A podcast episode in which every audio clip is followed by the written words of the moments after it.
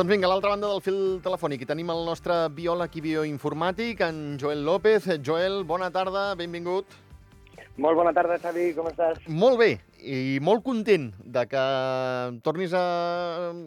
continuïs amb nosaltres, vaja, tornis al, al programa a les tardes, a la companyia en Sempre és aquest cas, plaer. però moltes gràcies, home.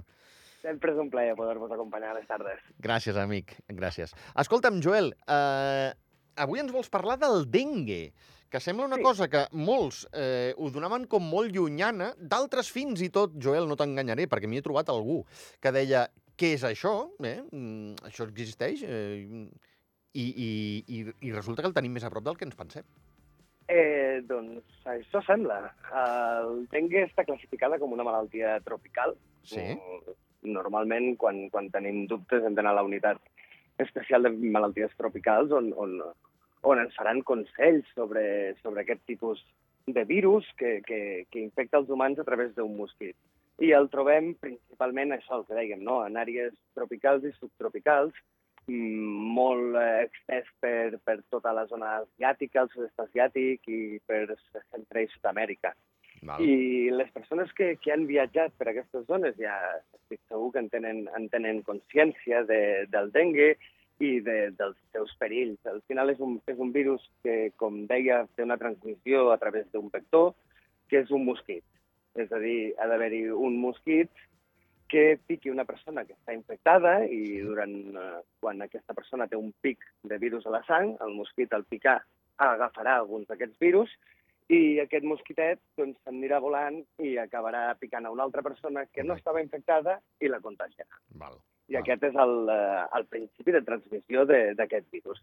Doncs aquest virus el trobàvem en, en zones això, O sigui, tropicals. perdona, Joel, el dengue tan sols es contrau, que, que ja sé que és molt fàcil, eh, perquè clar, un mosquit va amunt i avall, però tan sols es contrau amb la picada d'un mosquit, eh? Bueno, hi hauria un cas més que seria a través de... Ara no sé si per la lactància, m'hauràs de disculpar, i el que és segur és a embarassades. Uh -huh. Val. Però eh, podem, eh, podem dir que sí, que el dengue és la forma de contraure el dengue habitualment, on el, la majoria dels casos és a través de la picada d'un D'un mosquit. mosquit. Val, val, Correcte. val. Ara, ara, ara sabem què és i com es contrau. Quins són els símptomes, eh, Joel? Doncs principalment, la primera vegada el que provoca són unes febres elevades, amb dolor al cap, dolor retrocular a la part de darrere dels ulls, dolor muscular als ossos, eh, cansament... Eh, seria una típica infecció vírica Sí. amb, amb febres elevades.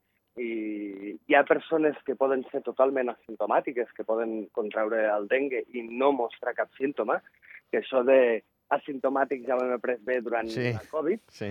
doncs ara veiem que molts altres virus també tenien aquesta propietat, que no era nou del Covid, no? Exacte. que, que era una qüestió d'aquestes que com s'havia ficat de manifest, com si la grip no, no tingués persones asimptomàtiques. Doncs també, la majoria de virus tenen aquestes, eh, aquestes eh, característiques. Pot ser que una persona mostri molta sintomatologia o poca. Uh El problema principal del dengue ve el segon cop que fem una infecció per dengue. Aquesta sol ser més perillosa. I aquí parlem de, de dengue sever o greu o enteromorràgic. El que causa aquí són hemorràgies internes i la probabilitat de mortalitat incrementa. Clar. El gran problema del dengue és que no tenim una, un fàrmac específic dirigit contra, contra el virus. L'únic que podem fer és pal·liar la sintomatologia. Llavors, eh, quan mostrem, en cas de que algú estigui infectat o hagi estat infectat, doncs, eh, en aquell cas és eh, de els, els especialistes perquè el que faran és intentar eh, evitar doncs, aquestes pujades de febres i donar medicació per, per tractar la sintomatologia que està produint el virus. O sigui, té tractament. Diguem que tindria tractament el símptoma, no la causa. Exacte. És Exacte. a dir, la febre la podem minimitzar, però no podem fer desaparèixer el virus. Val. I, I pregunto, eh, hi ha la possibilitat d'una vacuna? Perquè, clar, això pel que ens dius eh, va increixendo. I, I jo tinc unes dades aquí que em diuen que les, dues, eh, en les darreres dues dècades ha augmentat vuit vegades. Correcte. Clar, Correcte. eh, home, això espanta una mica, Joel. Ha augmentat moltíssim i ha augmentat moltíssim en el, en el, el 2023, curiosament. Mhm. Després d'una baixada molt, molt gran eh, per quasi tots els, els virus de transmissió eh, amb, amb mosquits, l'any 2021, el 22 i el 23 s'ha descontrolat. I en especial la zona de Perú, que ha passat a tenir pràcticament el doble dels casos eh, en aquest any.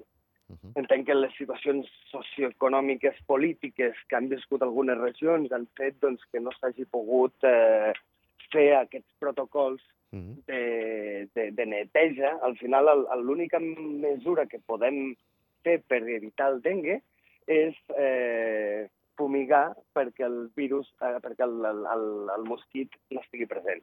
És a dir, eliminar totes aquelles aigües residuals i minimitzar els espais on poden deixar els ous. Si Mhm. no s'apliquen aquestes estratègies de fumigació, doncs, evidentment, hi ha més mosquits i incrementa la probabilitat de transmissió del virus. O sigui, a hores d'ara podem dir, sense alarmar ningú, eh, Joel, però que el risc de contraure la malaltia, hores d'ara, a la població mundial, eh? No, no, no, no aquí a Andorra, eh? que la gent no es pensi només que és aquí. No, no, això està... La, la població mundial és elevat. Sí, sí, sí, sí, ja ha anat a més. Ha anat a més. Ha anat a més per, per diverses causes. La primera és eh, els increments de- en mobilitat, l'augment de, de densitat poblacional i l'expansió de certs eh, mosquits en, en àrees on, on no hi eren. Ara, el, el, el virus del, del dengue, principalment, uh -huh. es transmetia per un, uh, per, per un mosquit, que és la Ade- Aedes, perdó, té un nom a la família una mica, una mica curiós. Sí. La Aedes és Joel? de Centroamèrica, Àsia. El problema últimament ha estat l'aparició de- d'algun virus més, d'algun mosquit que era capaç de transportar-lo en àrees eh, mediterrànies. I, I aquest mosquit és un mosquit que tothom ja deu haver sentit a parlar d'ell, si no li ha fet alguna picadeta, que és el mosquit tigre. Correcte, sí. O sigui, el, mos el mosquit tigre és, és el, el transmissor també, eh, del dengue? Formen part de la mateixa família Uh -huh. i, i té la capacitat també de poder-lo transmetre. Val. Llavors, aquest eh, mosquit farà aproximadament uns 10 anys que es va començar a, a propagar per, per la costa principalment mediterrània d'Espanya, Sí. Itàlia Sí. i algunes zones també de, de Portugal, i és el que ha aconseguit donar alguns dels primers casos endèmics a, a Espanya. Uh -huh. El primer cas que està registrat va ser l'any passat, amb una família alemana que després de passar les seves vacances a Ibiza i tornen a Alemanya eh, es troben que han, que han contragut el dengue. I aquest any, i d'aquí el motiu per voler-ne parlar, és que ell fa una setmana justa eh, vam, va notificar el primer cas de, de dengue en una persona que no havia viatjat a, península, a la península ibèrica, a la zona de Catalunya, Uh -huh. en concret a Reus, amb un, amb un nen petit. Carai. I, I aquest nen no s'havia mogut de Reus, eh? No, no, no. Carai. Aquest nen havia estat a Reus i no, no, no havia viatjat a cap zona que consideréssim que teníem dengue eh, eh, i que pogués haver estat, eh, per tant, contagiat en, en, en aquestes àrees. Ell havia estat a, a Reus Uh -huh. i allà ho va contraure. El qual ens fa pensar en això, amb el que ens deies des del principi, eh, Joel? Que un- una picada d'un mosquit, d'una persona que ha estat en aquestes eh, contrades, eh, arriba al seu país d'origen, digue-li, per exemple, a Catalunya, i, i, clar, aquell mosquit pica a un nen, i ja hi som, no? Correcte, correcte. Doncs fa, farà uns 10 anys no, no hi havia l'opció perquè no teníem el vector. Per molt que una persona vingués eh, Mhm. amb, amb, infectada amb el virus, no podia, no podia contagiar-lo, no podia transmetre'l. Actualment, amb l'aparició de, del mosquit tigre, Sí. eh, sí que és possible. I, i aquest és un de, dels punts que, que s'ha de, de començar a vigilar. Però no tan sols eh, aquest mosquit, no, no, no tan sols transmet el dengue, estan registrades unes 20, uns 22 virus diferents que té capacitat de transmetre, amb més o menys eficiència, però que pot. I eh, alguns d'ells tenen algun nom eh, raro, com la chikungunya i el Zika, que el Zika, per exemple, sí que té afectació en, eh, en, eh, en els embrions, en els fetos, en, en les mares que estan embarassades, pot generar deformacions a nivell de, de, del, de l'embrió. Uh -huh. Clar, eh, aquí, aquí necessitem prevenció i control de, de, de plagues que cada cop també són més nombroses, no? Correcte, són, són efectes eh, col·laterals d'aquesta aquest, evolució del clima que està fent que la, la, la zona en la que vivim sigui cada cop més atemperada i, i permeti doncs, que aquests mosquits eh, puguin, puguin viure tranquil·lament. Podem dir que tindríem un, un risc molt baix encara, no, no hi ha una taxa de transmissió eh, sostinguda que, que puguem considerar que el virus és endèmic, podem considerar algunes transmissions puntuals, però això ens fa sospitar que en els pròxims anys s'acabarà convertint en un virus endèmic de la zona.